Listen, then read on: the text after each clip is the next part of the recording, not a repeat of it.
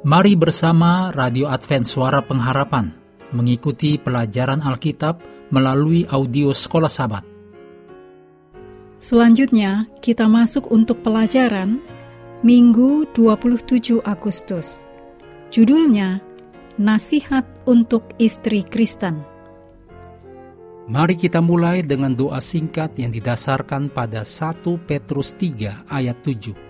Suami-suami, hiduplah bijaksana dengan istrimu, teman pewaris dari kasih karunia, yaitu kehidupan, supaya doamu jangan terhalang.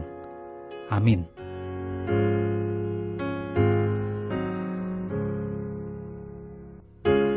Paulus memulai dengan Efesus 5 ayat 21 yang menghubungkan Efesus 5 ayat 1 sampai 20 dan Efesus 5 ayat 22 sampai 33.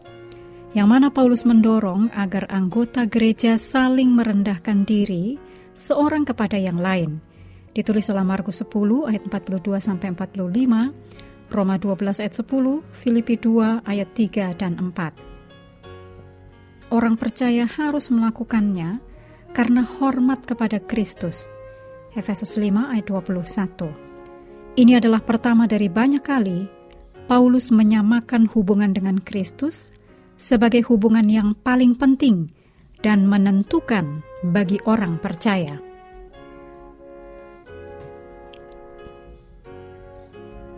Dalam Efesus 5 ayat 21, Paulus menasihati para anggota gereja untuk merendahkan dirinya seorang kepada yang lain – Paulus juga mengundang para istri Kristen untuk tunduk kepada suamimu sendiri seperti kepada Tuhan.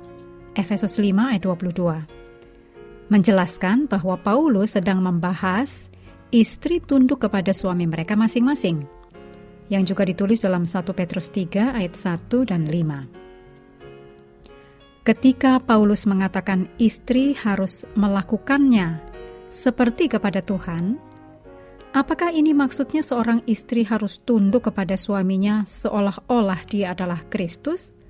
Atau sebaliknya, apakah Paulus bermaksud bahwa Kristus adalah fokus yang paling benar dan tertinggi dari tindakan tunduk itu? Dalam pemahaman Efesus 6 ayat 7, yang mana hamba diminta untuk melayani seperti kepada Tuhan dan bukan kepada manusia. Dan dalam Kolose 3 ayat 18, yang mana istri diminta untuk tunduk kepada suami mereka sebagaimana layaknya di dalam Tuhan. Pemahaman terakhir pastinya yang paling mengena. Istri-istri itu sendiri adalah orang-orang percaya yang pada akhirnya harus menghormati Kristus di atas suami mereka. Baik dalam Kolose maupun Efesus, Kristus dan hanya Kristus saja yang diidentifikasi sebagai kepala gereja yang adalah tubuhnya. Efesus 1 ayat 22, Efesus 5 ayat 23, Kolose 1 ayat 18. Kristus adalah kepala jemaat. Dialah yang menyelamatkan tubuh. Efesus 5 ayat 23. Dengan analogi, suami adalah kepala istri, Efesus 5 ayat 23, dengan kesetiaan gereja kepada Kristus, suami menjadi teladan bagi kesetiaan istri kepada suaminya. Bagian ini menganggap pernikahan yang penuh kasih, perhatian, dan bukan pernikahan yang gagal. Ayat ini tidak boleh ditafsirkan untuk mengizinkan segala bentuk kekerasan dalam rumah tangga Sehubungan dengan apa yang baru saja kita baca, nasihat yang berikut ini begitu penting untuk diingat.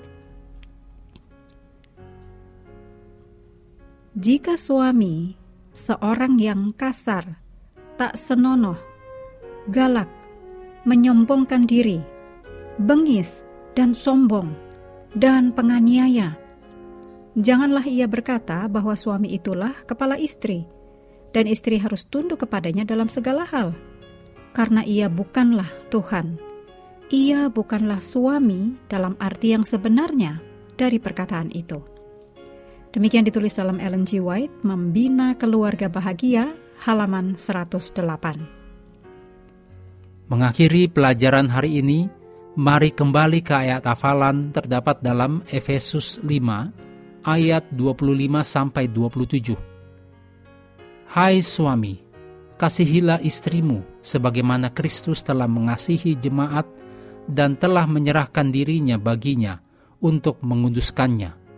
Sesudah ia menyucikannya dengan memandikannya dengan air dan firman, supaya dengan demikian ia menempatkan jemaat di hadapan dirinya dengan cemerlang, tanpa cacat atau kerut, atau yang serupa itu, tetapi supaya jemaat kudus dan tidak bercelah. Kami terus mendorong Anda bersekutu dengan Tuhan setiap hari, bersama dengan seluruh anggota keluarga, baik melalui renungan harian, pelajaran sekolah sabat, dan bacaan Alkitab sedunia percayalah kepada nabi-nabinya yang untuk hari ini melanjutkan dari Mazmur 113. Tuhan memberkati kita semua.